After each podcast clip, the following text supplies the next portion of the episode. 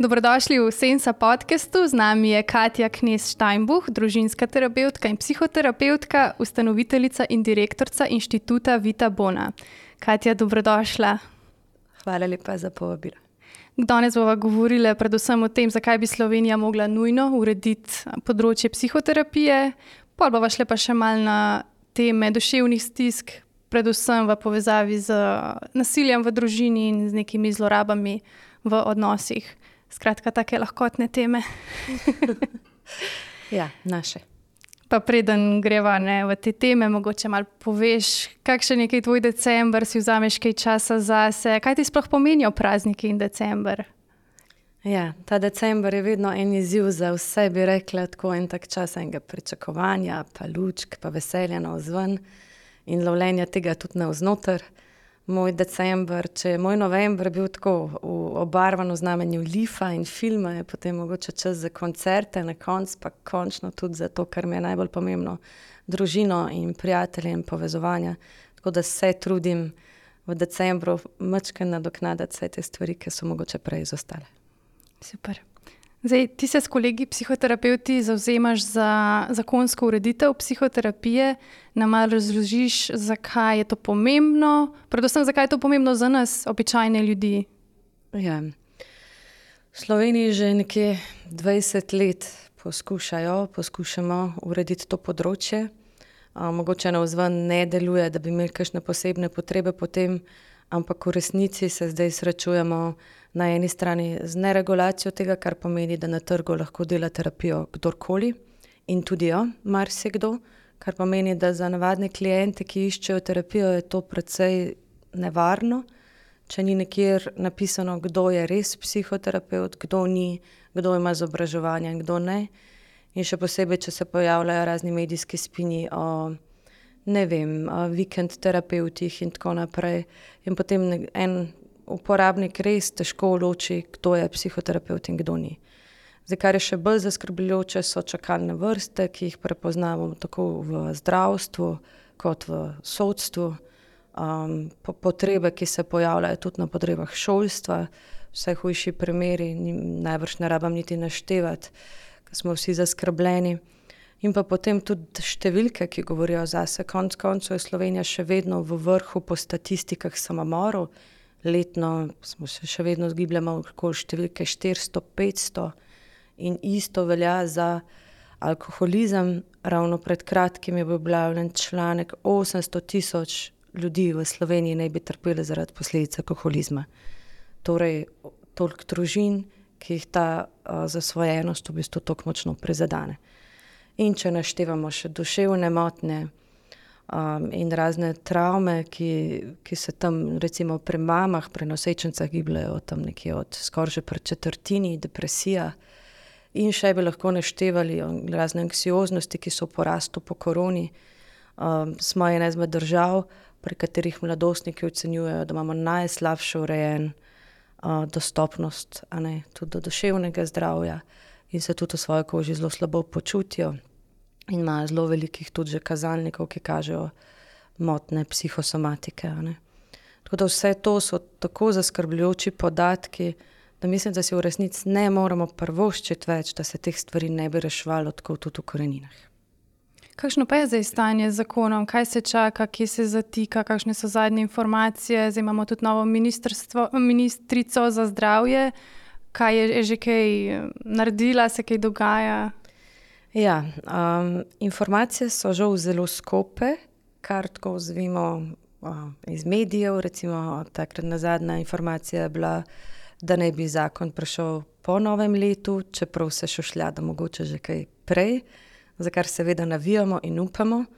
Um, v bistvu smo bili veseli tudi um, novih moči na Ministrstvu za zdravje in imamo zaupanje, da, da bi se dalo kaj spremeniti, hkrati nas pa zelo skrbi dejstvo, da ta zakon čakamo že 20 let in da vsakeč, ko pride nov minister, pač nekaj obljubi ali pa si želi neke spremembe, do aktualizacije pa potem v resnici ne pride. Uh, eno zato, ker so vedno druge stvari, kot kar bolj pomembne, tudi zdaj se to dogaja, razni pritiski in tako. Lahko spremljamo, da ima ministrica veliko dela tudi na drugih področjih. Je pa dejstvo, in uh, en minister mi je pred časom že tako nekako povedal, da to njemu sicer zelo pomembna tema, ampak če ima on pred sabo možnost, da bo kupil aparat za oživljanje ali pa namenil denar za psihoterapijo, da je posem jasno, kaj se bo odločil. Zdaj pa, če mi govorimo o oživljanju, verjetno na prvo žogo vsi pozabljajo te številke, ki sem jih ravno kar omenjala, 800 tisoč slovencev, da trpi zaradi alkoholizma, da imamo samomorov še vedno tam od med 400 in 500 da so številke duševnih motenj vse večje. In če vse to skupaj seštejemo, pa mislim, da smo tam kar na izenačeni tehnici. In da se tega morda premalo zavedajo tako politiki, kot tudi ministrstvo. Um, posebej nas je zaskrbljujoče to, da je to ministrstvo sicer še v formi, ko je bil torej, um, še Bešič Loredan obljubilo, psihoterapevtski zakon v roku enega leta, to leto se zdaj izteka. Uh, tudi ministra ni več, bila pa je dana koalicijska obljuba. Uh, tudi, če pogledamo svetovno, ne, um, malo širše, Svetovna zdravstvena organizacija opozarja, da ne bi bilo na populacijo nujno uvesti določeno število terapeutov, in v Sloveniji to znaša 2000. Mi pa jih trenutno niti nimamo toliko na trgu, če se štejemo. In, uh, torej klinične psihologe, ki upravljajo psihoterapijo in psihoterapevte vseh ostalih vrst, pri nas ne pridemo do te številke. Tako da je v bistvu stanje alarmantno, vedno pa se ustavi nekje pri pisanju in ta zakon nekje obstane. In zdaj ne vemo čisto točno, ali se uh, zatika zaradi raznih lobiranj in moči in preprečevanja in raznih strahov, ali se zatika preprosto zato, ker se ne vidi teh previsokih številk in trpljenja, v resnici čist navadnih ljudi, ki bi si zaslužili to, da pridejo do zdravnika in da takoj dobijo obravnavo, ki ni samo recimo farmakološka, ki ni samo uh, psihiatrična, ampak tudi nekoga, ki si dejansko lahko vzame čas in uh, za eno resno obravnavo, za en resen cikl. Ker ko govorimo mi o resnih stvarih, o resnih zasvojenostih, o nasilju, kratke obravnave torej niso dovolj. Torej, in opažamo, da če tudi bi si v zdravstvenem sistemu želeli, da bi bil prostor za to, in če tudi bi se vem, dopolnile specializacije na tem področju, bi bila še vedno težava prav v tem, da se težko obljubi daljše psihoterapevtske obravnave. Kakšne pa so zdaj čakalne dobe, recimo nekdo, ki ima težave z depresijo, s panično motnjo, z anksiozno motnjo, koliko načeloma povprečju preko zdravstva čakaš na pomoč? To, kar zaznavamo, ne podatke, so tam vsaj eno leto, dve leti, um, ponekje tudi več. Uh, obstaja sicer nekaj centrov za duševno zdravje, ki deluje dobro in hitreje, ampak številke v večini in poprečju so pa še vedno alarmantne in previsoke. Torej, sicer zaznavamo tudi to, da uh, komentarje, da nujna pomoč je dosegljiva takoj, pa že še vedno kdaj srečujemo, da ni. Um, in sicer tukaj v Ljubljani deluje urgentna psihiatrija za primere samomorilnosti in dejanske življenjske ogroženosti. Ampak življenjska ogroženost je tako zelo širok pojem, ki ga ljudje tudi doskrat ne prepoznajo. Ravno zdaj, ko smo decembra in ko se čas, uh, točno to, kar smo imeli na začetku, ne čas hrepenenja in lučki in veselja, no zvon povečuje se na notranje, pa povečujejo tudi stiske, ki doskrat niso prepoznane, doskrat niso opažene. In tudi ljudje ne prepoznajo točno pri sebi, kdaj je to kritično za odločiti se za to vrstno pomoč. Druga stvar je pa, da tudi so kdaj zavrnjeni pri takojšnji pomoči. Tako da um, bistvu stvari ne funkcionirajo še tako, kot bi si želeli, in zato ocenjujemo, da bi bilo v resnici nujno, da ima vsak človek takoj možnost, ko je v stiski, da, da res dobi to pomoč, ki je nujna. Um, in zaenkrat temu ni tako zaradi čakalnih dob. Jaz konkretno klijente preusmerjam k kliničnim psihologom in psihiatrom, ki delajo v zasebnem sektorju, ker tako pridejo hitreje do njih. In še tam morajo čakati, ko še en mesec, dva, tri, pa sem zdaj rekla najnižje možnosti, če se res zgodi, da ne vem, kdo kje odpove, kakšen takšen primer. Sicer pa se mi še ni zgodilo, da bi nekdo prišel takoj na vrsto. Uh, govorim seveda konkretno o mojih primerih. Zdaj, v vodaji tarče je bilo omenjeno, da v zdravstvenem domu Slovengradec ne bi bilo pot, na potnico zelo hitro, celo dobrih šest let. Ne vem, kako naj to komentiram. Čakalne vrste so vendarle nekaj, kar sicer razumem in je slovenska težava tudi na drugih področjih, ampak ker se je ministrica zauzela prav k reševanju teh, te problematike, res upamo, da bo tudi psihoterapevtski zakon uh, opažen in da bo opažen ne toliko zakon kot tak, no, ampak res te potrebe ljudi, ker šest let je popolnoma nespremljivo. Ne predstavljam si, kaj se lahko zgodi z nekom v šestih letih, ki je v stiski in rabi takojšno pomoč. In pri tem, da ne govorimo o primerih, ki so življenjsko ogrožujoči, ki seveda da rabijo tukaj in zdaj, brez debat. In ne drugačna pomoč, kot je na prvem mestu psihiatrična, diagnostika in potem tudi terapevtska. Ampak govorimo o vseh ostalih stiskah, ko se ljudje čutijo osamljene, ko se čutijo vem, prazne, ko se srečujejo s praznino, ravno zdaj v decembru najbolj recimo, in vse te stiske, in ste še omenili panične napade, tesnobe, in vse to v šestih letih lahko zelo, zelo napreduje, um, tudi do razvoja kakšnih dodatnih motenj. In ne preseneča potem številke, ki, ki se pojavljajo, ne, da, da motnje pri nas še naraščajo. Mislim, že eno leto je absurdno in nekoristno, se pravi, zelo jasno je, da ta sistem ne deluje takšen, kot je, pa da se potrebe ne, družbe še povečujejo po pomoči. Zdaj vemo, da je tudi slovenski prostor precej polariziran na dva pola, se pravi, na eni ste psihoterapeuti, na drugi so pa potem klinični psihologi in psihiatri. Um, zdaj nekako oni se ne strinjajo s tem zakonom, kako je s tem, oziroma kakšno rešitev dajo te, ki nasprotujejo zakonu, glede na to, da vemo, zdaj, da sistem kot tak, kot je, ne deluje. Mm. Mogoče dve stvari najprej. Jaz nas ne bi tako delila na te pole, čeprav se medijsko tako sicer morda zaradi te propagande za zakon tako nekako stvarja, ampak mi zelo dobro sodelujemo s kliničnimi psihologi in psihiatri. Si tudi ne predstavljam izvajanja psihoterapije brez te um, pomembne in dragocene povezanosti. In res verjamem, da v moč sodelovanj tako drugače tudi na našem področju ki so še širše kot to, tudi zdaj na tem mestu, morda omenim SOS, telefon, Društvo za nenasilno komunikacijo, Združenje za moč, Alanon, SA, tako velike enih organizacij, s katerimi mi in ljudi, s katerimi zelo močno in prepleteno sodelujemo. Tako da te razlike se morda pojavljajo pri nekih interesih ali pa zdaj, ko, gre, ko so stvari tako daleč glede zakona, ampak v praksi sem pa v resnici vesela, da dobro in povezano sodelujemo. Zdaj, druga stvar, kaj pa se tiče, um, kako bi, če me sprašujete, klinična psihologija pri nas rešila težavo zakona. Kot sem jaz opazila iz medijev, je bil do zdaj predlog samo regulacije tistega področja zdravstva, ki deluje v zasebnem delu. In teh ljudi je res malo, ne? teh par ljudi ne bo rešilo stisk ljudi, ki čakajo stisk ljudi, ki bi si želeli iti na terapijo, pa si morda ne morejo finančno privoščiti. Uh, in ne bo rešil teh čakalnih vrst, niti ne bo rešil regulacije, uh, recimo tega, da kdorkoli lahko dela psihoterapijo pri nas. Tudi nazivi, ki se pojavljajo v medijih, psihosocialno svetovanje, so v resnici žaljivi, ker mi nismo svetovalci, hkrati pa žaljivi do psihosocialnih svetovalcev, ki tudi odlično in vrhunsko delajo na svojem področju in jih tudi mi prepoznamo kot adekvatne in enako pomembne, tako kot klinične psihologe in zdravnike.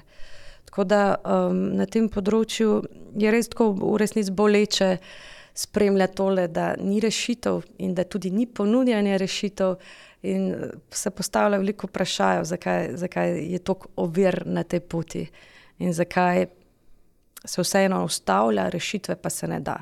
Nekje so zaznala tudi povečanje števila specializacij, ampak tudi če mi povečamo specializacije klinične psihologije za ne vem koliko, kot prvo ni realno, kot drugo mi takoj potrebujemo psihoterapeute. Danes, 2000, se pravi, aktualnih terapeutov, ki dela to kot polno delo, ne bi bilo manj kot 500, čeprav izobraženih, recimo samo v psihoterapevtski sferi nekaj tisoč, ampak da se pa s tem res ukvarja kot poklicno je pa manj kot 500. Torej, mi potrebujemo na trgu še več kot štirikrat toliko, kot že imamo. Specializacije je pa mnogo manj. Torej, sploh se ne izide ta kalkulacija. Ne? Tudi če bi zdaj jo začeli delati, pa še potem čez štiri leta, ne? čez osem let, ne? čez dvanajst. Ne? In ne predstavljam si, kaj bi, kaj bi to pomeni za stiske ljudi, ki se v resnici večajo vsak dan, ne manjšajo. In motne, ki se povečujejo. Zato si res, res želimo, da tukaj ne bi šlo za neke osebne interese ali pa preprečevanja, ali pa kdo je boljši, kdo je slabši. Uh, ampak da bi res dvignili kriterije za vse, povzročili da, in s tem povzročili, da, da lahko delajo vsi dobro, kvalitetno, in če se kje opaža kakšne pomankljivosti, napake, da se na nje opozori, da se lahko tudi vem, spremembe naredijo, dodajo izobraževanje, karkoli bi bilo pač potrebno, zato da v resnici ljudje čim prej dobijo pomoč.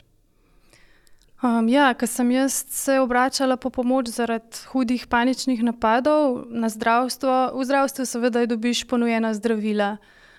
Recimo psihoterapeutka se mi je pa res posvetila, sva skupaj iskale vzroke, šle v preteklost um, in šele ti, ko v bistvu te vzroke poznaš in potem ugotoviš, kaj je izvor tvoje stiske, kaj te spravlja v tesnobo, kaj te spravlja v paniko, jih lahko urediš. Zdaj, če ti samo bom rekla, ne, da, da je zdravili kaj narobe, včasih so nujno potrebna, ampak če pa ti hkrati ne urejaš vzrokov, se mi zdi, na dolgi rok nisi velik na redu. In jaz sem imela takrat res srečo, res da je bilo to še pred korono, ko se mi zdi, da ste bili še veliko bolj dostopni, zdaj je tudi termin pri psihoterapeutih malenkost težje dobiti, oziroma mal, mal daljša doba, ampak takrat je bilo recimo to res, ko sem bila res v krizi, jaz sem lahko dobila naslednji dan termin. Ne kar mi je ogromno pomenilo in si ne predstavljam, da če bi šla v psihoterapijo preko zdravstvenega sistema, da bi jo dobila čez eno leto, dve leti.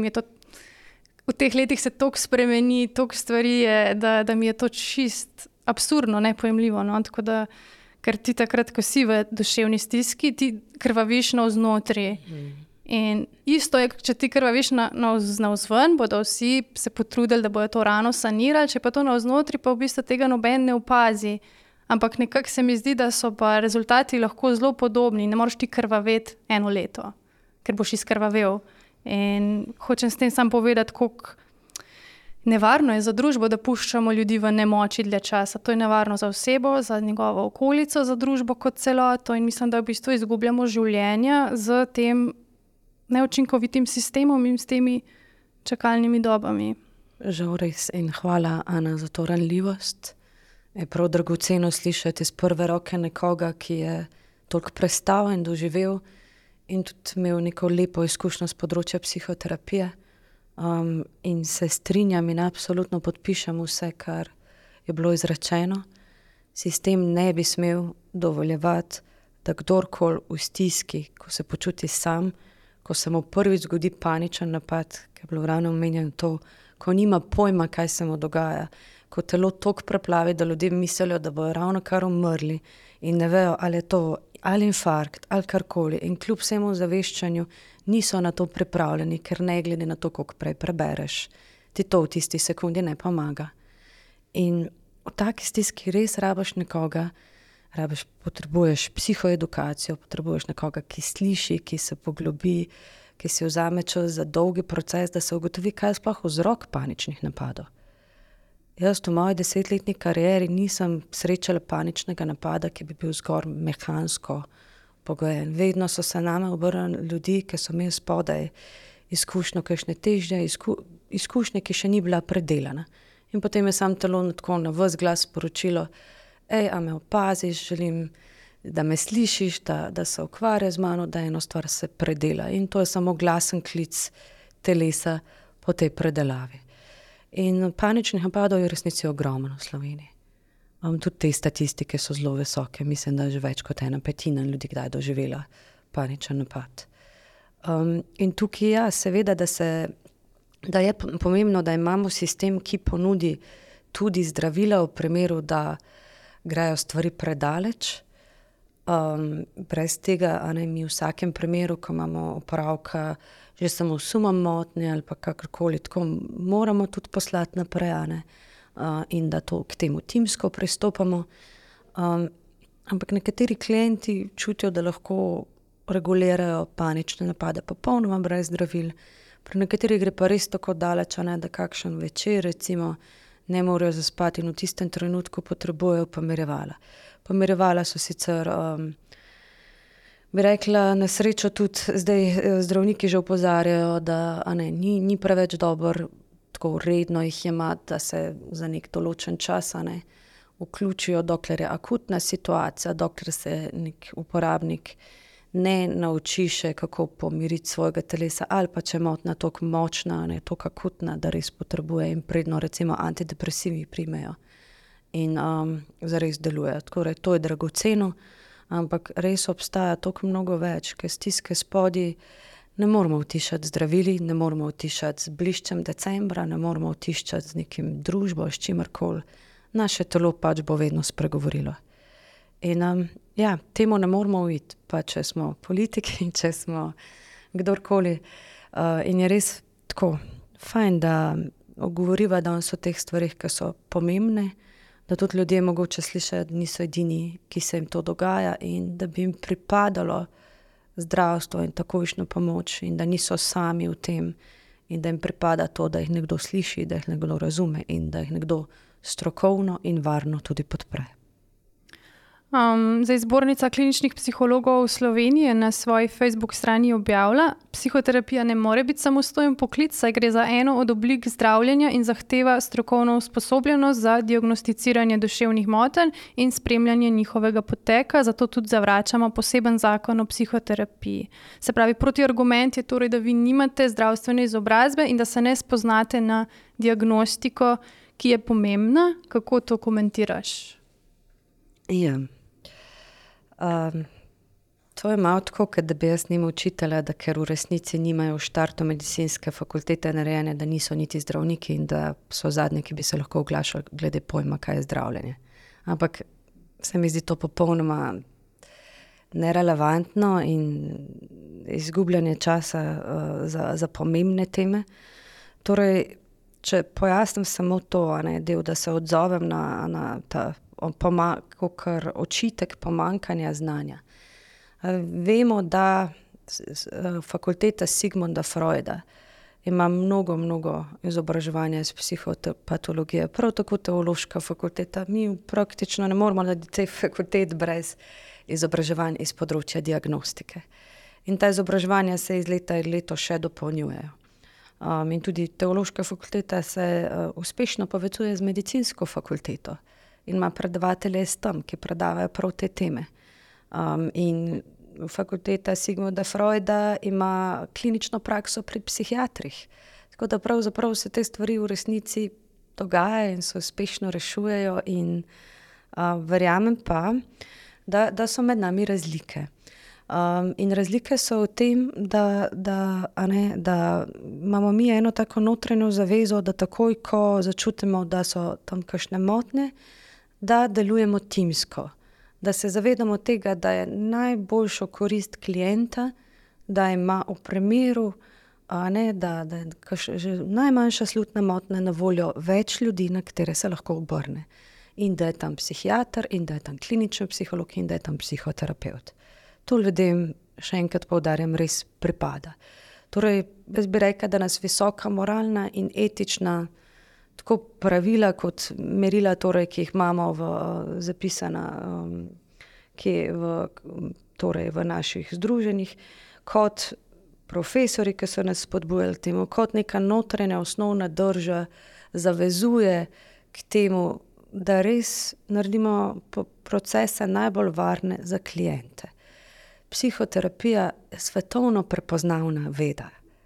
Je znanstvena, je strokovna, se uporablja skoraj na vseh kontinentih že in, in je marsikje tudi že uspešno regulirana.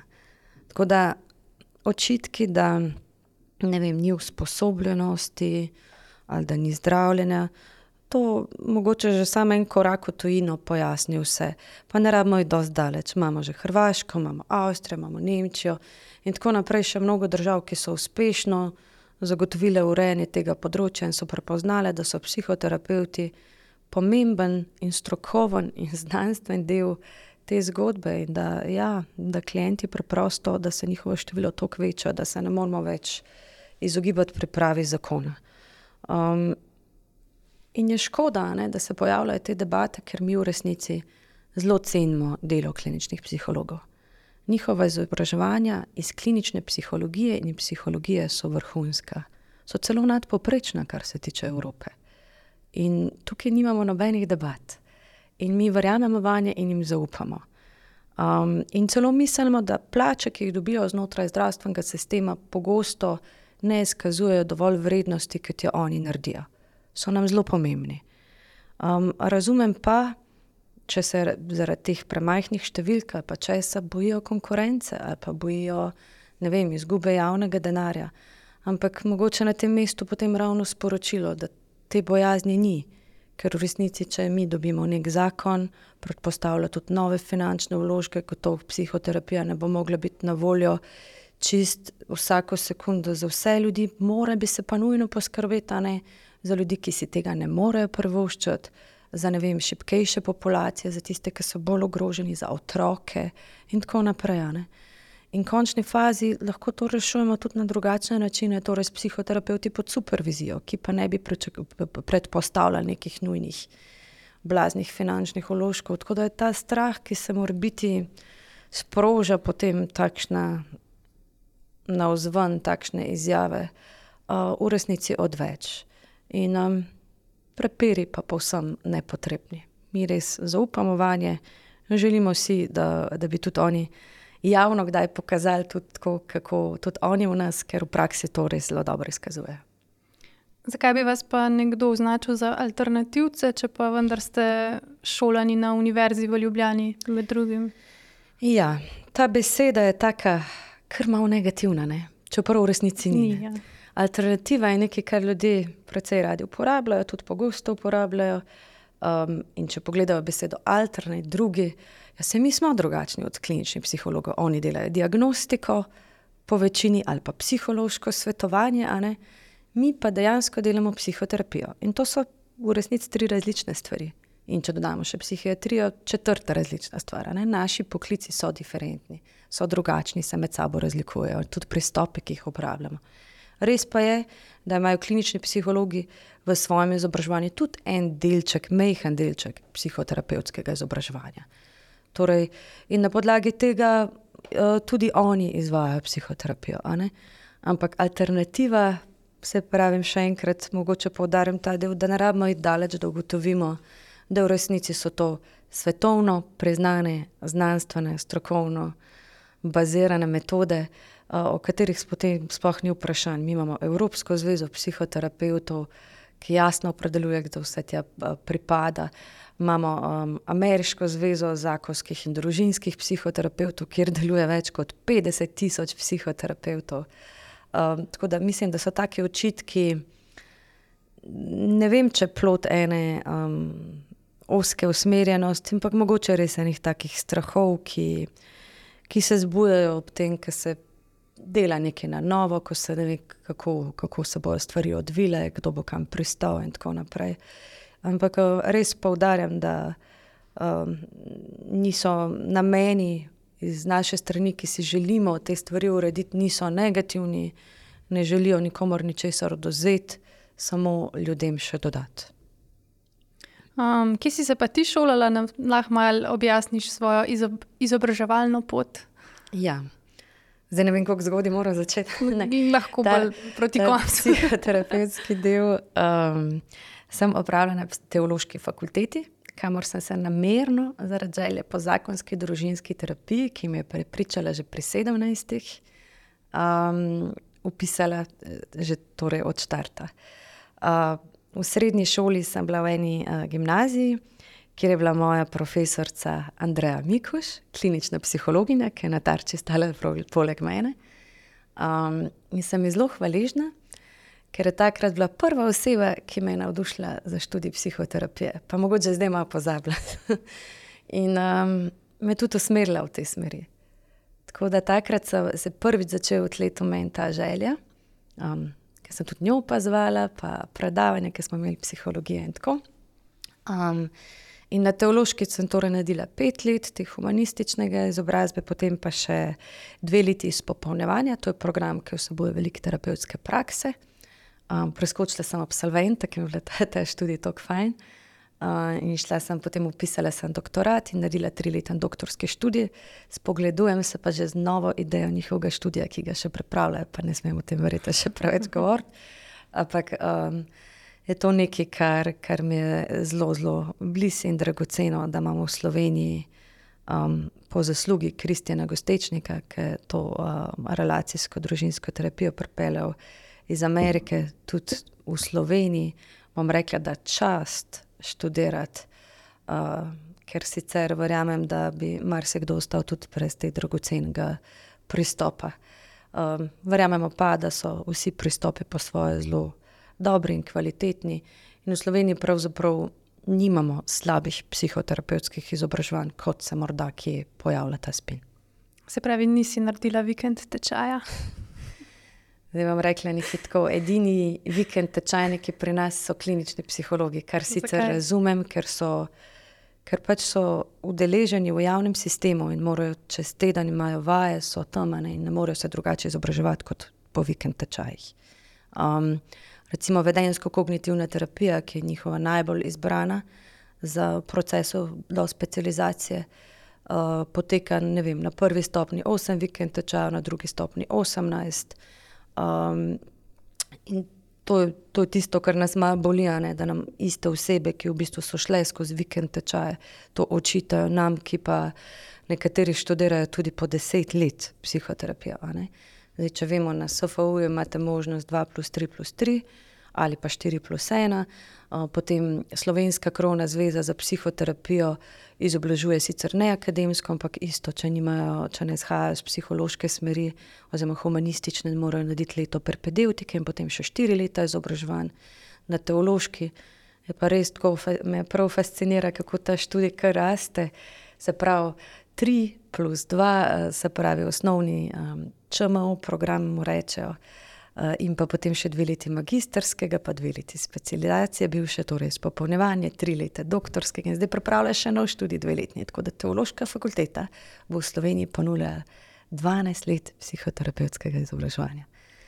Um, tako da, če te številke niso impresivne, pri nas, jaz mislim, da imamo v Sloveniji ena odlična, zelo, zelo dobra psihoterapevtska izobraževanja. In če pa primerjaš te izobrazbe med sabo, koliko ur recimo namenijo za psihoterapijo, za učenje psihoterapije, recimo vi, psihoterapeuti, pa potem klinični psihologi in psihiatri, imaš kakšen podatek, okviren, se ne rabiš točno. Ja. Um, mogoče bi zdaj malo pogledali v tujino na evropske standarde. Evropski standardi, ki so pogoj za naziv, da je nekdo terapeut, obsegajo, tako bom rekla, od 1200 do 1800 ur to poprečju nekje 1500. In 1500 ur je tudi pogoj pri zakonskih družinskih terapeutih, da lahko dobimo licenco za, licenco za upravljanje zakonske družinske terapije. Um, pri, na fakulteti Sigmunda Freuda je ta številka še mnogo višja, a ne še več kot enkrat višja. Um, Medtem ko tudi krovna zveza se obrača na torej mednarodna merila, 1500, 1200 naprej. Medtem, če pogledamo um, torej, psihoterapevtske izobraževanja, torej govorim samo o tem delu, ki je za nas pomemben.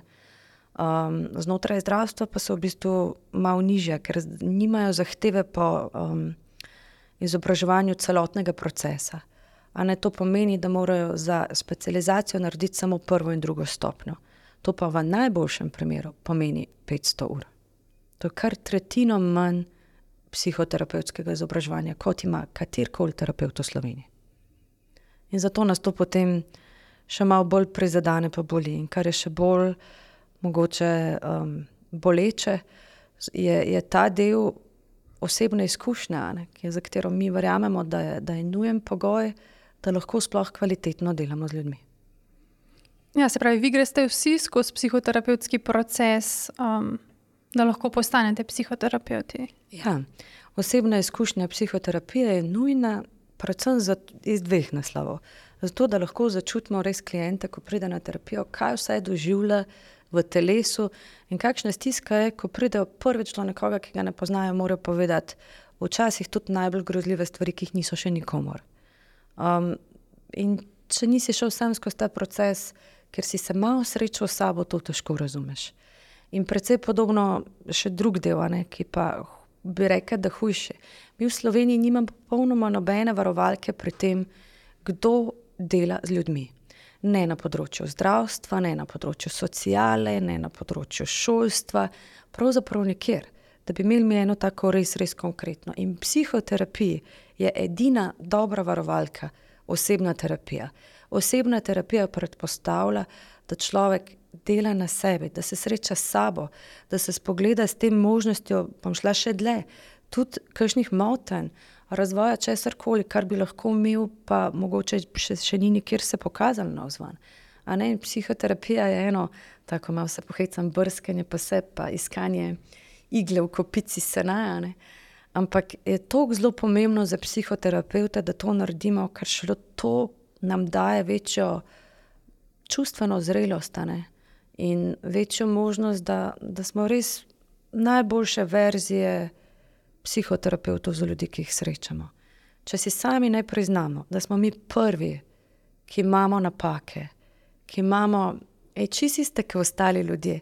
Včasih pridejo ljudje na terapijo, pa rečejo, vi imate zagotovo popoln partnerski odnos. In ko povemo, imamo možo doma, se um, milo rečeno, kar zelo dobro ne smeji. Kar pomeni, da psihoterapeuti nismo popolni, smo ljudje, tako kot ostali, imamo težave, včasih veliko težav.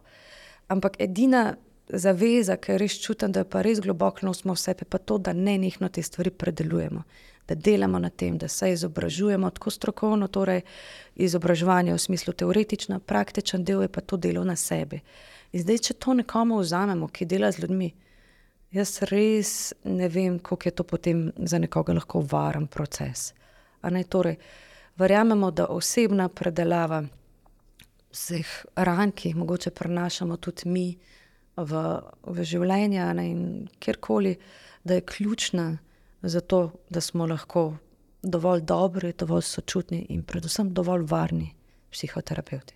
Se pravi, psihiatri, pa klinični psihologi, oni pa ne grejo čez ta proces psihoterapije. Kot pogoj, v smislu pogoja za pridobitev licence, ne. ne da bi vedeli, da, da bi se to kje pojavilo. Nekje je bilo napisanih 35 ur na vedensko-kognitivni, ampak so mi potem udeleženci sami zaupali, da, da žal ni bilo nikoli tam psihoterapija, da je bilo ne vem, neko pisanje transkriptov, opazovanje, nikoli pa dejanskega procesa, kot ga mi prepoznavamo kot nujnega.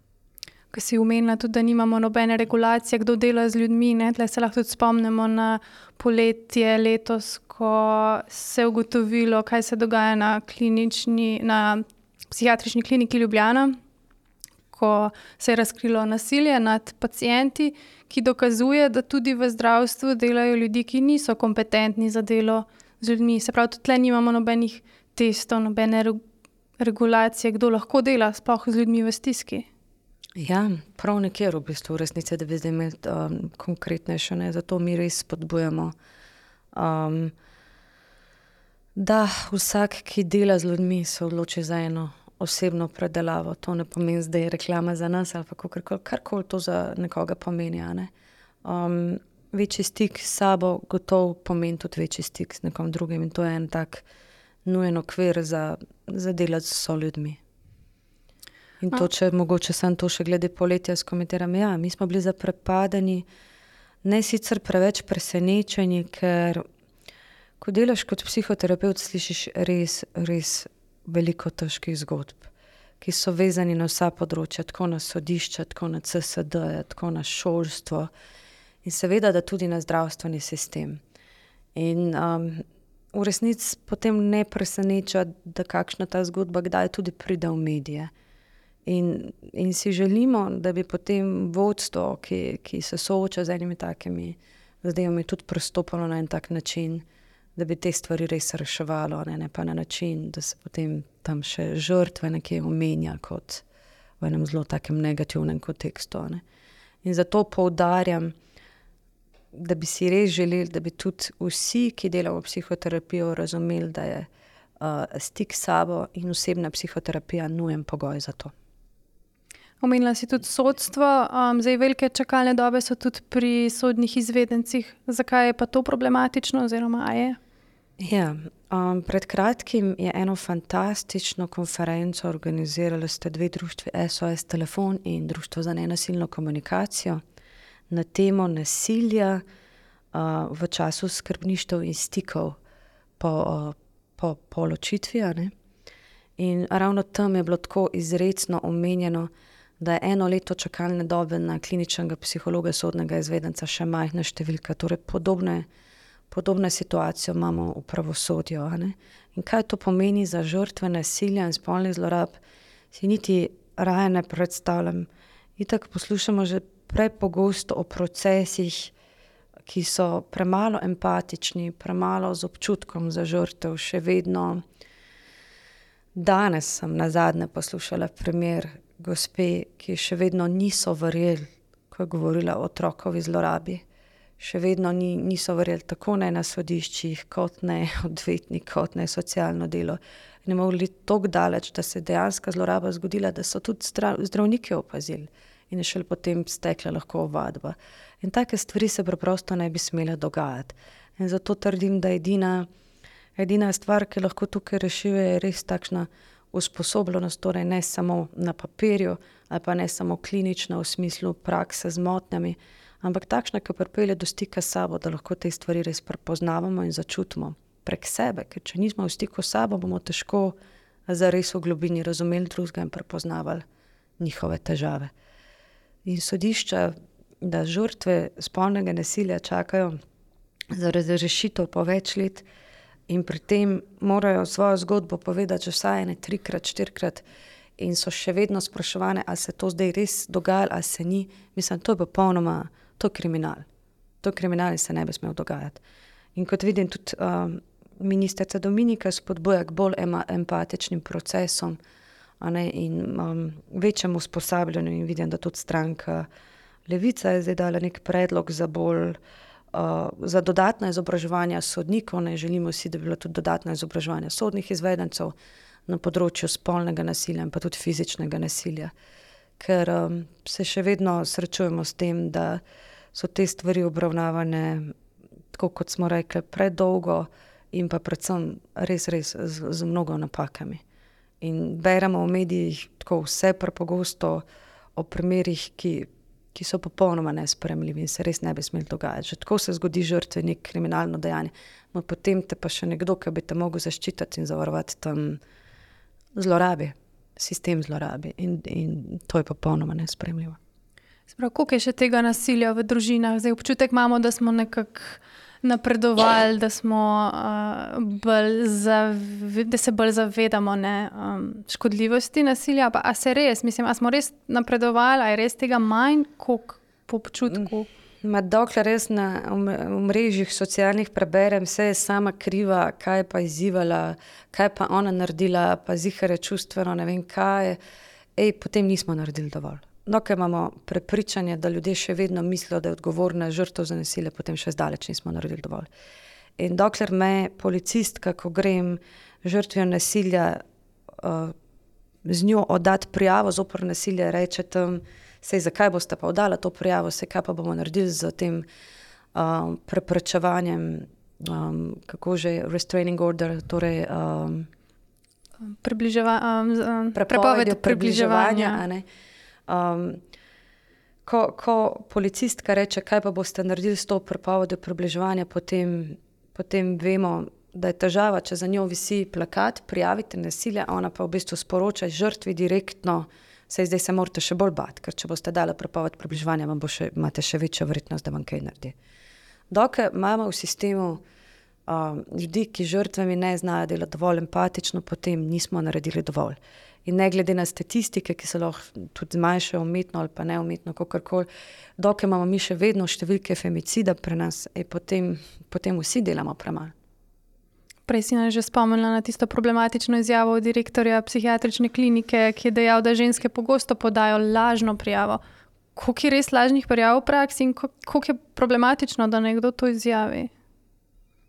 Tukaj ne vem, ali bi, ali bi se zila, ali bi ostala brez besed. Ali, um, gospod Zaldar si je tukaj res dovolil eno, eno tako hudo strokovno napako, um, ob kateri ne moramo molčati. In ni moglo molčati Društvo za nenasilno komunikacijo, ni moglo molčati SOS telefon, ni moglo molčati Združenje za moč.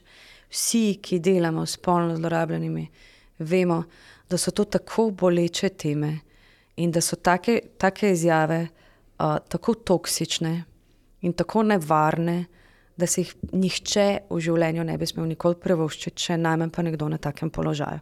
In če bi bili mi v Ameriki, bi tukaj bile posledice zelo resne. V Sloveniji pa očitno lahko marsikdo reče karkoli. In verjetno ni na ključje, da me ravno v tistem času, kasneje, en mesec kasneje, kontaktirala ena gospa, ki je bila v stiski in je odvetnik odsvetoval prijavo spolnega nasilja, ker se je rav, nad hčerko, ker se je ravno ločevala. Ker so pač sklepali, da je ne bojo verjeli, ker v procesu ločitve to sporoča, ker prej ni dala nobene prijave. In, in res niso verjeli. Niso ji verjeli na, na socialnem delu, niso ji verjeli uh, na sodišču. Um, niso, torej, najbolj zaskrbljujoče je pa to, da odvetnik ni spodbujal dati prijave. In da je moglo iti tako daleč, da so potem stiki bili dodeljeni obema. In to govorim zdaj z dovoljenjem te gospe. In stiki so bili dovoljeni obema, in je prišlo do ponovne spolne zlorabe punčke. In take stvari se, pardon, ampak res, res nikoli ne bi smele dogajati. Mi ne smemo tolerirati spolnih zlorab, ker smo prepričani, da je ena mama pač to hranjena, da bo iz, iz nekega maščevanja to naredila. Mi moramo vendarle preveriti vse, vse faktore v tem. In zato jaz mislim, da je psihoterapeut tudi v sodstvu nujno potrebna pomoč. Ker če imamo tam ljudi, ki dajo take izjave, in če imamo ljudi, ki sploh ne grejo skozi osebne procese psihoterapije in ne prečutijo teh stvari in nimajo izobraževanja na področju spolnega nasilja, zakaj mi dovoljujemo, da te ljudi so ključni, ki odločajo o teh procesih? To se ne bi smelo dogajati. In javno bom rekla, ena punčka je bila na ta račun spolno zlorabljena. In boli me. Vsaj ena, verjetno ne. To je primer, ki ga jaz poznam. Ja. In osebno me prizadene in boli. In, in jaz mislim, da smo tukaj kot družba popolnoma odpovedali, če nas tukaj ne gane in če tukaj rečemo, ok, je, naj bojo stvari tako, kot so.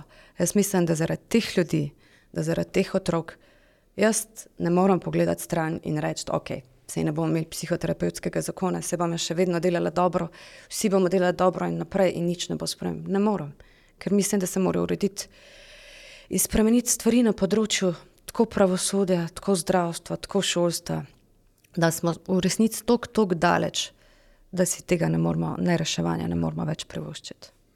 Kaj pa je definicija spolne zlorabe? Ker se mi zdi, da ljudje pogosto napačno si predstavljamo, da je to samo posilstvo, ampak to je veliko bolj kompleksen pojem in verjetno zaradi tega tudi tako težko dokazljiv. Ja. Mogoče sam, če se vrnem še k prejšnjemu vprašanju, ki nisem odgovorila v celoti.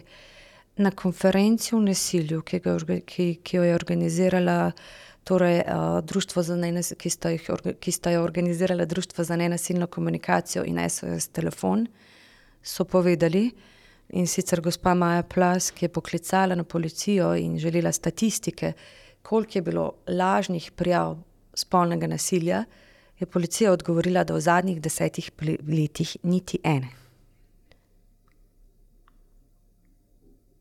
Zdaj ne vem, če rabim še karkoli glede tega komentirati, ampak um, zdaj ne vem, ali to pomeni, da, da uh, je nekdo premalo prepoznava spolne zlorabe ali ne pozna teh statistik, statistik, ampak mislim, da ljudje, ki delajo na tem področju, bi, bi morali biti prvi, ki to vejo in poznajo. Zdaj pa, če se vrnem, spolna zloraba je zelo, zelo kompleksna tema. Mi na prvo žogo vedno pomislimo vem, na spolno posilstvo, ki je zagotovo kruta, kruto, kruta, krut kriminal in ki ga ne moremo, ni dovolj besed, ki, s katerimi bi v resnici opisala to krutost. Um, terapeuti se pa srečujemo tudi z enimi finesami spolnih zlorab, ki jim ljudem na začetku sploh ne bi rekel spolne zlorabe. In recimo opažamo, v, torej v psihoterapevtski praksi, da se dostkrat pojavlja to, da ljudje niti ne vejo, da so bili spolno zlorabljeni. In potem, ko se pogovarjamo, a ja, pa to se je tudi meni zgodilo, ja, ja, v bistvu tudi to je bilo tam. Torej, bili so starši, ki, ki vem, so izpostavljali pornografijo in niso vem, nikoli dovolj zakrili, in bila ta televizija tam odprta in so otroci to gledali, ker je bilo na dostopu roke.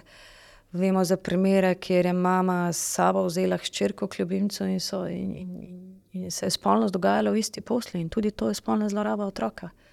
Vemo za primere, ko starši ne poskrbijo za dovoljšno varnost, in da ne omenjam pa pedofilskih stvari, kjer pride kakšen sosed in reče: Ok, se bom samo jaz to naredil, ti pa samo tukaj bod, pa ne vem, da je majčko dol.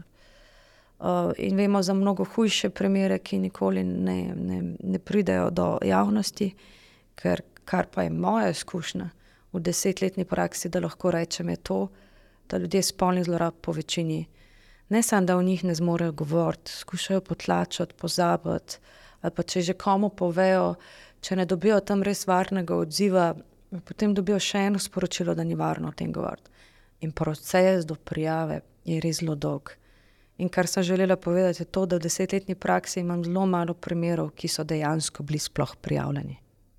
Da večina, večina ljudi prija, ne prijavi. Srečala sem primer, ki pa so celo rekli, da, so, da, da gospoda je šla oddati prijavo in da je storilec pretekel za njo in da so jo odvrnili s tem, da se sta oba mal pijana. Pri tem, da ona ni spila kapljice alkohola, bila je samo take stiske. In to so stvari, ki se ne bi smele dogajati. Se pravi, misliš, da ljudje ne prijavijo zaradi strahu, da jim ne bojo verjeli? Ali... Okay, spolna zloraba je tako tak poseg v intimo, tako tak, tako porušenje meje, da se ljudje čutijo popolnoma grde, osramočene, krive, ponižene, razvrednotene. In ko so v takem šoku, sploh niso v resnici sposobni razmišljati, kako ga prijaviti, kaj narediti, kako sploh tako. In tukaj res rabijo dodatno pomoč. In zato sem vesela, da tukaj tudi na tem področju imamo kvalitetna društva, ki pri nas dobro delujejo in spodbujajo žrtve tako fizičnega nasilja kot spolne zlorabe k tem, da potem zmorejo, a ne tudi kdaj oddati te prijave. Ampak te, te stvari so tako boleče, da se žrtev po taki uh, izkušnji in opominjam, lahko se zgodi komorkoli. Osebi, ki na vzven deluje popolnoma močna, um, samozavestna in ne vem, kaj še vse, se lahko zgodi zloraba in zbriše vse to. Zbriše to moč, ta pogum in vse to, kar se na vzven kaže. In, in Zlo, ljudje žal ne izbirajo svojih žrtev, prezdana vse po vrsti. In dati prijavo v takem stanju je preprosto težko. In um, je dobro, da imamo sicer sistem, ki spodbuja prijave, ampak potem bi mogli imeti v prvi vrsti tam ljudi, ki so um, nadpoprečno, bom rekla, empatični in, in lahko razumejo stisko te, tega posameznika, te posameznice, ki pride tam uh, zaupati tako težke stvari, o katerih ne bi rada več govorila, ne bi rad več govoril, bi rad potisnil pozabo. Sploh nikoli več se spomnim tega. Tam se pa mora in to ne, ve, ne samo enkrat, ampak večkrat. Še hujše pa je, če se moraš s kom srečevati. Pa če gremo zdaj še čist malo nazaj na, na psihoterapijo, koliko je pa ljudi, ki pravijo, da delajo psihoterapijo, pa se pravi, niso izobraževani ne na teološki, ne na univerzi Sigmunda Freuda. Zdaj pojavljajo se različni izrazi, kot so vem, energijska psihoterapija in kaj podobnega. Pa naprej me pa še zanima. Kako pa ti v terapiji srečuješ ljudi, ki so pa bili zlorabljeni strani nekih zdravilcev ali pa nekompetentnih uh, ljudi, nekih mogoče duhovnih učiteljev, kako pogoste so danes te zlorabe? Ja, so, žal so. Pridejo ljudje pač v dobrem upanju in v veri, da bojo pač naredili nekaj dobrega za sebe, se obrnejo k kom, ki jim proda pač marsikaj in, in upajo na dobre zaključke, in potem pridejo še bolj ranjeni, kot so bili na začetku. Zdaj, na zadnja stvar, ki sem jo prebrala. Sicer na Facebooku je bila primer gospe, ki to je bilo javno objavljeno, sicer kot anonimno. Um, gospe, ki je šla na masažo, um, isto kot neki energetski terapeutki, in je to sprožilo panične napade. Um, pri nekih teži, težjih um, izkušnjah, ki jih nosimo v telesu, če niso predelane, je to kar pogosta situacija, ki se zgodi, ko grejo ljudje kam, ki nekam, kar se jih nekdo dotakne, ali pa celo gre čez njihove meje, ali kar koli. In um, taka oseba v resnici ne potrebuje energetskega pristopa, ampak potrebuje najprej razrešiti tisto ključno, kar je spodaj, torej travmo, ki se je nekje zgodila. Šele potem pa se lahko odloča za neke ne vem, celostne načine reševanja, ne tudi na, na drugačne načine. In ja, v Sloveniji, mogoče omenim, sem že prej rekla, imamo zelo dobra psihoterapevtska izobraževanja. Potekajo na teološki fakulteti, na fakulteti Sigmunda Freuda in pa potekajo preko Slovenske krovne zveze za psihoterapijo. To je ne akademski način izobraževanja, zato je malo manjkrat verjetno v medijih to omenjen, ampak tam je vključenih 11 društev, ki so regulirane na evropski ravni, spoštujejo mednarodne kriterije, imajo isto 1500 tam nekje število ur kot pogoje za licenco. In jaz verjamem, da vsi ti psihoterapeuti delajo dobro. Um, problem pa so ljudje, ki morda delajo kaj tako grdo rečejo, še letanja, ne? ampak ki morda delajo v bolj alternativnih področjih, pa mogoče tisto celo zelo dobro. Ne? Ampak potem si pa dodajo en napis terapeut. Zadnjič sem nekje prebrala terapija onkraj besed. Uh, ne, pojma nimam, kaj bi naj to pomenila, ampak na, nakazuje na psihoterapijo. In veliko enih takih je psihoterapija v samo nekem kratkem času. Ne? Ali pa morda se še izognejo, pa ne rečejo, ravno psihoterapija, ampak boljše kot psihoterapija, le terapija, ne vem kaj, tri pikice. In to je ta problematičen del, ki ga želimo regulirati. Ni problem alternativni pristop, problem je, da nekdo ponuja nekaj, česar ne izvaja. Neko zavajajoče reklamiranje. To, to, pa, to pa bi itak morali regulirati, tako kot zaznavamo tudi na drugih področjih, ne, ne samo na psihoterapevtskem ampak druge področje imajo neko regulacijo, zakonsko urejeno in se da kaj ukrepati. Pri nas pa nekdo, ki ima slabo izkušnjo na psihoterapiji, lahko ukrepa samo in izključno v primeru, če je ta psihoterapeut član nekega združenja. Na kar pa mi ne moramo nikogar presiliti ali pa kakorkoli dati kot pogoj. Samo zakon lahko to naredi. Da da kot pogoj. Ne vem, neko psihoterapevtsko zbornico in da pogoj, da vsak, ki izvaja psihoterapijo, mora biti član te in kot član te mora imeti tok in tok za sabo ur, ne vem, osebne izkušnje psihoterapije in tako naprej, kot pogoj enega varnega delovanja. In če imamo mi psihoterapevtsko zbornico, lahko tudi primere, kjer nekdo zavaja, prijavimo neki delovni inšpekciji, oziroma za to skrbi psihoterapevtska zbornica. V zdajšnjem času, ko nimamo nobenih podatkov, ne, um, in ni nič jasno, kdo, kdo je terapeut, kdo ne, je pa to seveda precej težje za nekoga, ki doživi neko duhovno ali pa terapevtsko zlorabo, če tako rečemo. Ne. Zdaj, vsaj društvo imajo neko regulacijo in imajo čas na razsodišča. Se pravi, Združenje zakonskih družinskih terapeutov ima svoje časno razsodišče, ki vzame primere, uh, nekaj, če, če se zgodi neka negativna praksa v terapiji, jo mora obravnavati zelo, zelo resno. Um, nimajo pa to vsa društva, nimajo pa to terapeuti, ki, ki niso včlanjeni v to društvo. Proti tem se ne da ukrepati. In v bistvu me boli, če se tudi uh, zaznavam, kdaj, da se v medijih kaj pojavi, ne? ampak nikoli pa ne pridemo kar do imena teh ljudi.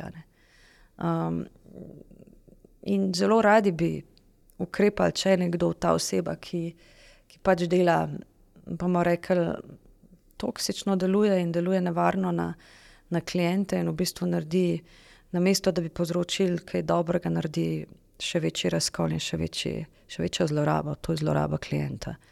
In proti temu bi se morali boriti, in jaz ne vidim drugega načina kot psihoterapevtski zakon. In zato ne razumem, zakaj bi bil kdorkoli proti regulaciji psihoterapevtskega področja, če pa tudi sami na to opozarjajo. Tudi tukaj se mi zdi, da smo pa vsi res povezani, in, in psihiatri, in klinični psihologi, in terapeuti, da si vsi želimo narediti te procese varne za ljudi. In jaz mislim, da jih težko naredimo brez regulacije, brez osebne izkušnje terapije, brez terapevtske zbornice in v končni fazi brez psihoterapevtskega zakona. Čemu pa pripisuješ, da se je popraševanje po psihoterapiji tako povečalo od korone naprej um, in seveda stiske ljudi? Ja, korona je bila ena taka velika, velika sprememba.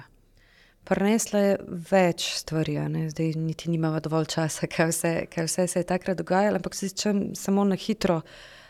Prinesla je malo, tako mogoče o tem tudi premalo govorimo, nezaupanje v zdravstvo, pa v zdravnike, posledično tudi psihiatra. Ne. In bi rekel, da se skoraj zdaj malo več srečujemo s tem psihoterapeuti, da moramo nekako klientu poudariti, da mu ne bo noben nasilno tam nič naredil, ne? da to so prostovoljne stvari, prostovoljne udeležbe, da, da ne gre za to, da, da ga bojo kar nekam strpali. Te strahove so narastali, nezaupanje v zdravstvo in tako naprej. To, to je korona vsem povzročila. Um, glede debat, glede cepljenja in vsega tega, ne, in precej strogih meril, takrat, ko so bila, čeprav so bila v Sloveniji nič kaj veliko drugačno kot v tujini, v resnici, oziroma še manjša, če, če se spomnim svetovnih dogajanj. Um, ampak, če se vrnem, korona je prinesla tudi veliko, tako vedno imam v mislih te najbolj. Če se smem izraziti, čipkejše, um, v tem smislu so to otroci in mladostniki, ki so preživeli ogromno časa na elektroniki, na ekranih. In kot vemo, mislim, mi znanstveno danes že vemo, da to prinaša zelo močne negativne učinke in da Svetovna zdravstvena organizacija opozarja in da vsi terapeuti, ki delujejo na tem področju, opozarjajo. Ampak takrat je bilo res težko. Verjamem, da tudi za tiste, ki so se mogli odločiti, kaj narediti, na kak način to speljati in tako naprej. Meni je bila zelo všeč tam Angela Merkel, ki je mogla, takrat je bila ona tista, ki je mogla ljudem sporočiti in rekla: hej, jaz res ne vidim drugega načina, toliko ljudi umira. Če bi imela kakršno koli drugo rešitev, kot je lockdown, bi jo takoj dala. In je tako z enim takim občutkom in srčnostjo, uh, ki mogoče ne bi pričakovali, ampak takrat jo je pa imela. In takrat pokazala, da, da je ni vse en in. in dala en ta čustven naboj temu.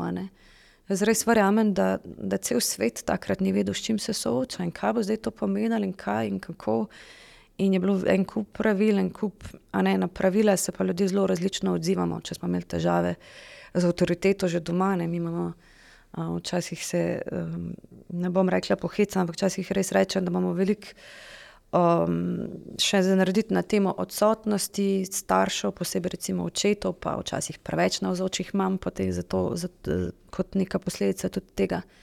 In če smo imeli tam zaradi teh stvari malo izzivov za avtoriteto, je gotovo potem ta čas prenesel tudi svoje na tem področju. Ampak če se vrnem na mladostnike, ej, um, mi res opažamo no, in porast uh, duševnih motenj in mislim, da nas niso nikoli toliko klicali, kot kličejo zdaj za pomoč, uh, prav mladostniki. Zdaj, v nekem nasilnem odnosu se ponavadi ne znajdemo po naključju. Kaj so ponavadi vzroki, da se znajdemo v življenju v nekem nasilnem odnosu? Ja. Um, včeraj sem nekje prebrala en dober citat, da ljubezen ni slepa, ampak je ponavljajoča ponavljamo pa tiste vzorce, ki so bili najbolj primarni iz naše družine, um, ki so se najbolj shranili v naše nezavedno. Um, in ponavadi poiščemo tistega partnerja, partnerko, ki nam najbolj prebudi tista najbolj skrita vzdušja, ki se jih niti ne zavedamo. Mi na zven že rečemo, ok. Všeč so mi njegove oči, ali pa njen nasmeh, ali pa nekaj tako na začetku, ki se spoznavamo, ali pa nekaj lasnost tudi. Um, Ampak, ko pa se predeluje ne, na partnerskih terapijah, te stvari, pa vidimo, da, da pridejo najbolj boleče vzdušje iz družine, da so lahko zelo pogosto ali skupna, komplementarna. Ne, um, in, in da je zelo zanimivo to opazovati, ta del pri nasilju. Um, je pa nihče, tako zelo pomembno, da se mi zdi izpostaviti, da nihče ne želi nasilja.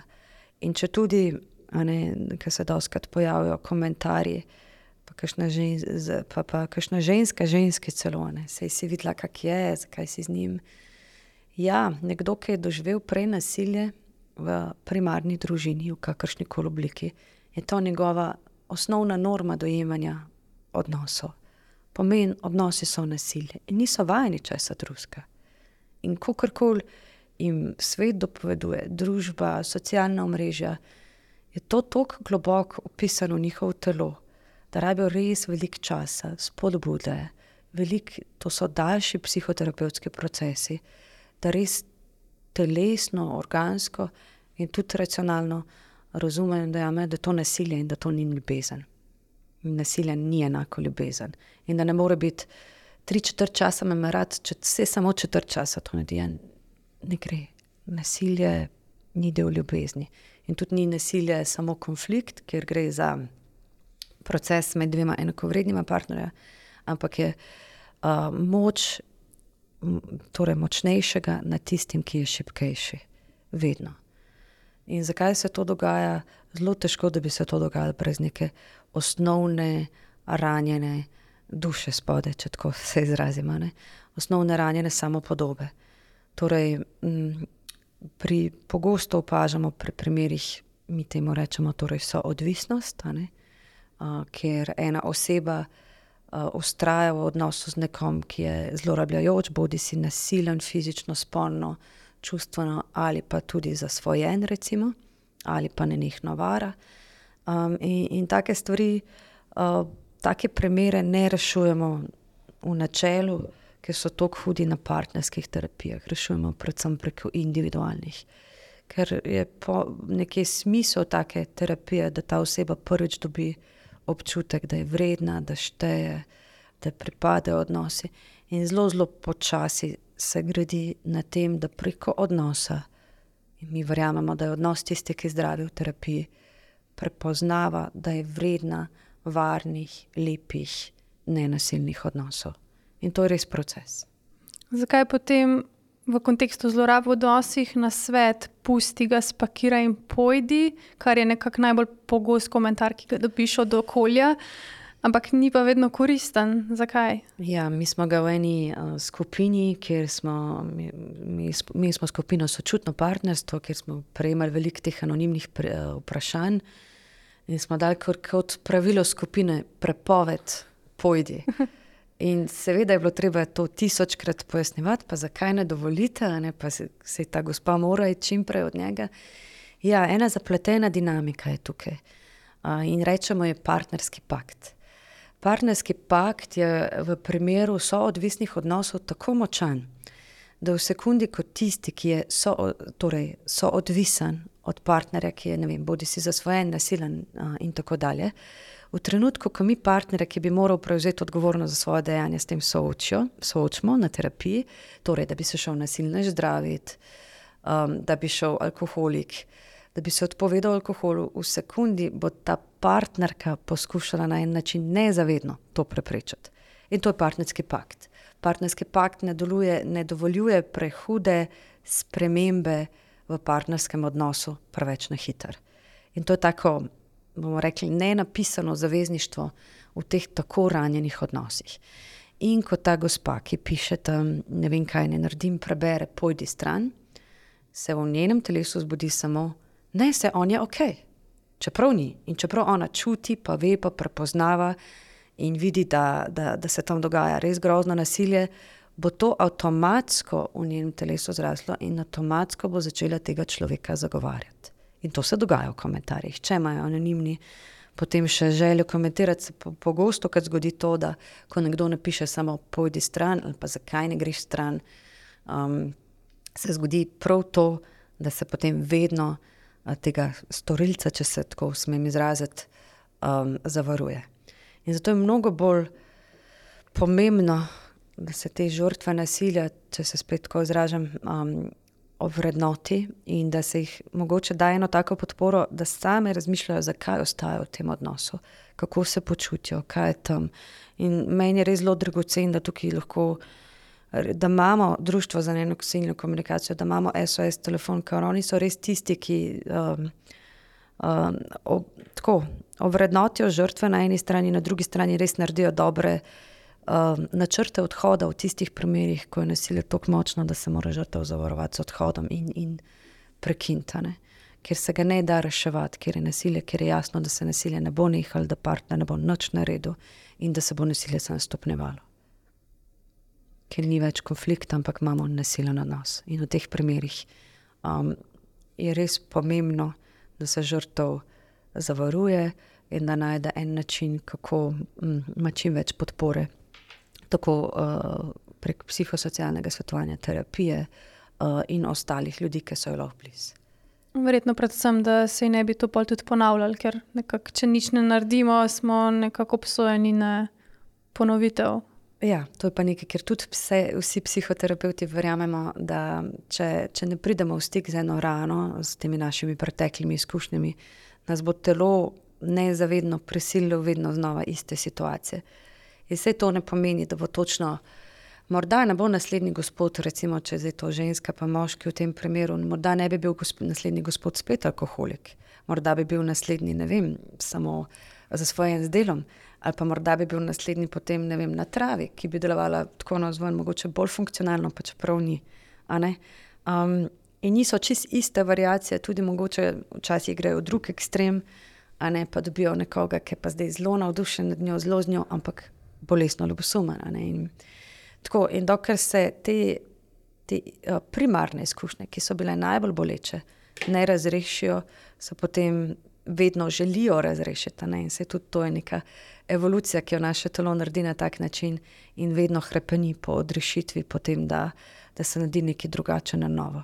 In, vse, in vsi vstopi v takšne, tudi nezdrave odnose, so v bistvu izraz enega upanja, da bo končno nekaj drugače. In čeprav tam ne more biti. In zato je tako pomembna psihoterapevtska obravnava in vsi stebri pomoči, ki jih imamo na voljo. In tudi zato imamo psihoterapevtski zakon. Mene vedno znova preseneti, ko vidim na senci, recimo, če imamo kakšen članek na temo kaznovanja otrok, kako je škodljiv, koliko je še vedno komentarjev na temo ljudi, se pravi, ki zagovarjajo kaznovanje, ki zagovarjajo, da kakšna klofuta je v bistvu koristna. Ja.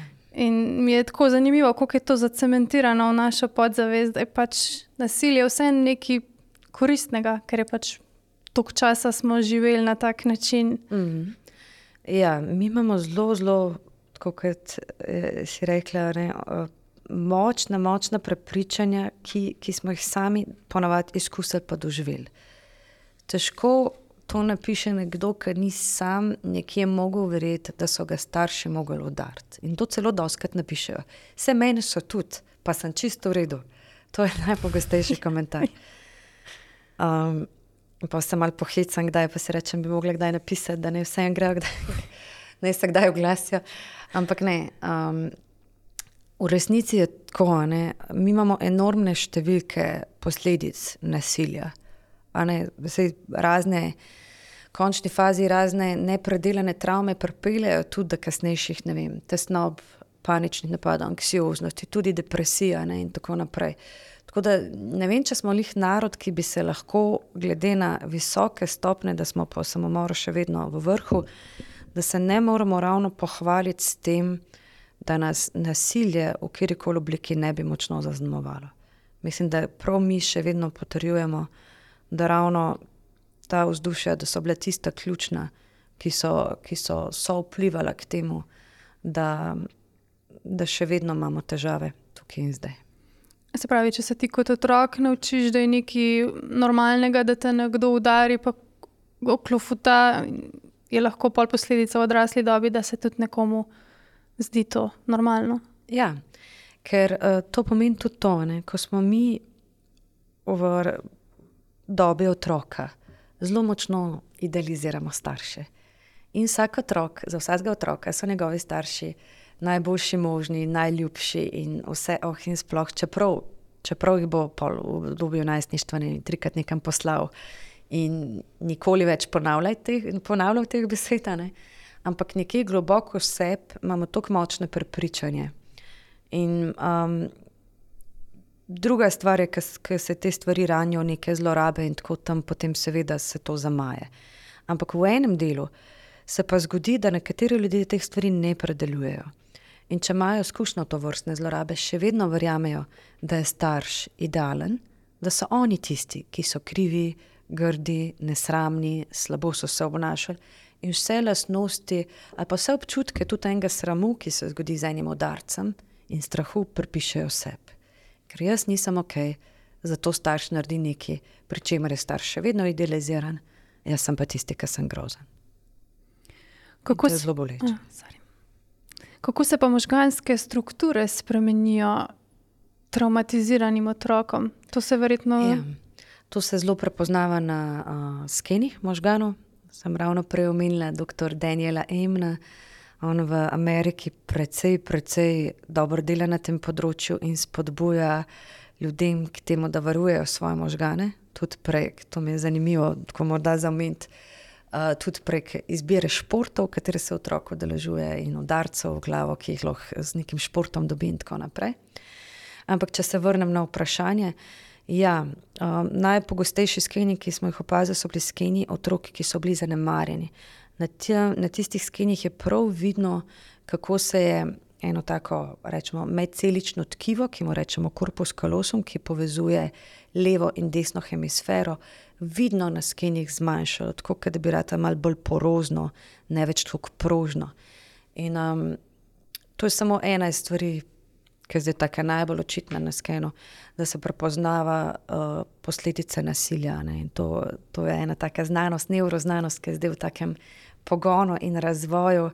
In um, me veseli, no, da v končni fazi uh, dela raziskave tudi na področju psihoterapije in tudi preko skenov možganov dokazuje, da je psihoterapija znanstvena, strokovna veda, ki prinaša spremembe tudi možganov, ker možgani niso samo plastični v smislu tega, da bi bili um, trdi, pa samo ukočeni v eno stanje, ampak so tudi možne spremembe. In to je ta dobra novica, ki jo lahko, ne glede na vse težke teme, ki jih danes tukaj odpiramo, uh, ponesemo decembra vsako svoj dom. Ne? Da ne glede na to, kaj se nam je težkega zgodilo, ne glede na to, kako so naši možgani s tem zaznamovani, ne glede na to, kako je naše telo um, bilo prizadeto, ranjeno, um, kako je nekdo šel čez meje ali pa karkoli takega naredil, da vedno je možna sprememba. In do končne faze dostojanstva ne more nišče zares, zares vzeti. Zdaj si sicer že tako lepo zaključila, ampak te bom samo še eno težko vprašanje vprašala. Um, recimo, če je otrokov oče alkoholik, mama pa ne, ali pa obratno, ne, sej oboje je uh, enako. Zakaj otrok v taki družini v resnici nima ne očeta in mame, čeprav recimo mama ni alkoholik, ampak čustveno sta verjetno oba odsotna? Ja. Um, mama je ponovadi v takem primeru, ne, ne vem, če bi uporabila izraz odsotna, ampak celo mogoče malo preveč navzoča. Um, bom pojasnila, kaj se zgodi.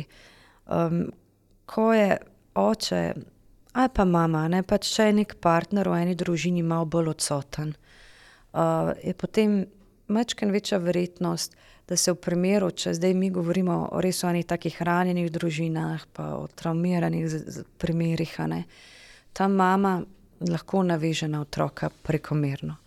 To pomeni, ne, da imamo potem tako imenovan na delu tam čustveni incest. Um, to je ena taka zelo boleča stvar za otroke, ker so postavljeni v vlogo odrasle osebe, čeprav niti slučajno niso um, na tej ravni, ne, ne zmorejo nositi take teže. To je eno, kar se lahko zgodi. Druga, drug primer pa niti ni nujno, da bi zdaj ta en partner, ki, ki ostaja, bil vem, prekomerno na otroka navezan, pa bi otrok vseen stopil v vlogo nekoga, ki je tam edini, ki je pravzaprav tej družini odgovoren, ki se trudi postavljati meje, ki se trudi očetu in mami dopovedati, da bi morale biti stvari drugače urejene. In pa še tretja, ne, mislim, teh variacij je itak, to zdaj govorim najbolj tipične, ki se pojavljajo na terapijah. Kar je še boleče, je to, da ko pridejo klienti, ki imajo izkušnjo alkohola v, v preteklosti, vedno rečejo, hej, pa zakaj ni kaj naredila, zakaj ni šla. Ne rečejo na prvo žogo, kaj, kakšen je bil on, ampak zakaj ona ni šla. Ne, in to je tisto, kar je boleč del, da od tega otroka nihče ne zavaruje. In zato so v tem smislu uh, drži beseda odsotni starši, ker, ker ne glede na to, koliko je ta mama lahko ljubeča, bo ta otrok še vedno čutil nevarnost, um, nepredvidljivost in um, nenehna spraševanja, kaj se bo zgodilo v enem trenutku.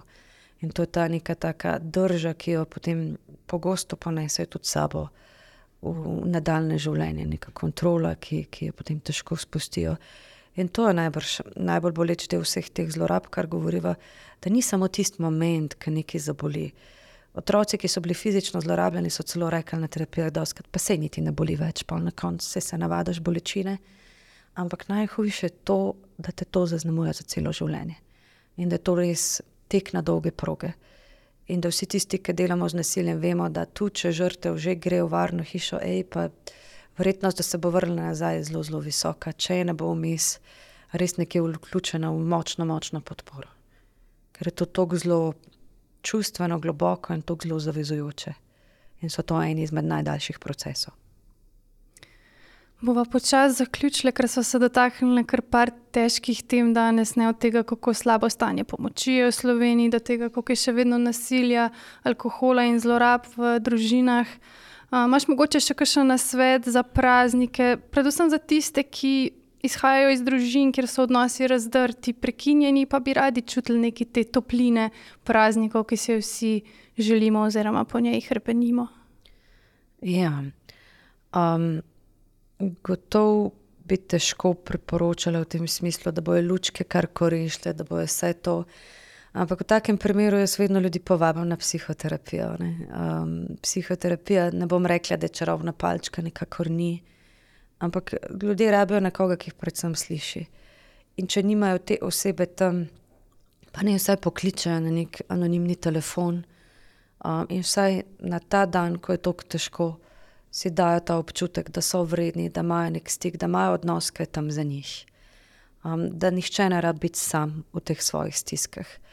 Da mogoče pa še tisti drugi del, ne ljudi, ki sicer se mogoče počutijo čisto v redu, pa večkrat vidi, da so ti prazniki vseeno in stresni, in naporni, in kar malo preveč komu, se mogoče lahko kdaj tudi poenostavijo. In za mame, ki se prekomerno trudijo in pečejo, ne vem, štrudle potice in ne vem še kaj vse, no mogoče pa taj kakšno leto čisto v redu, če se ne vem, pokliče kakšen um, dostavo hrane ali pa naredi neko preprosto večerjo. In da ne more biti da ni nujno, da je božič ali pa novo leto praznovanje v tem, koliko smo naredili in koliko smo se dokazali, ali kaj takšnega, ampak da je res smiselno iskati povezanost. In da to so pa take drobne stvari, ki jih skušamo živeti vsak dan. Za vse žrtve nasilja, ki ki, za katere so pa itak prazniki, mogoče še bolj ogrožujoči, pa res niso same in niste same in vedno verjamem, da imamo v Sloveniji dovolj ljudi, ki te stvari čutijo in zelo dobro delajo. In da tudi med prazniki delajo telefoni, na katere se lahko obrnejo, in klici, na katere lahko vedno pokličejo. Hvala, Katja, za tvoj obisk. Jaz tudi tebi želim en miren zaključek tega leta. In upam, da se stvari v Sloveniji čim prej uredijo na način, ki bo koristil vsem ljudem, predvsem tistim, ki potrebujejo pomoč, čim prejšnjo pomoč. Hvala za povabilo, lepe praznike tudi tebi in se beremo. Hvala.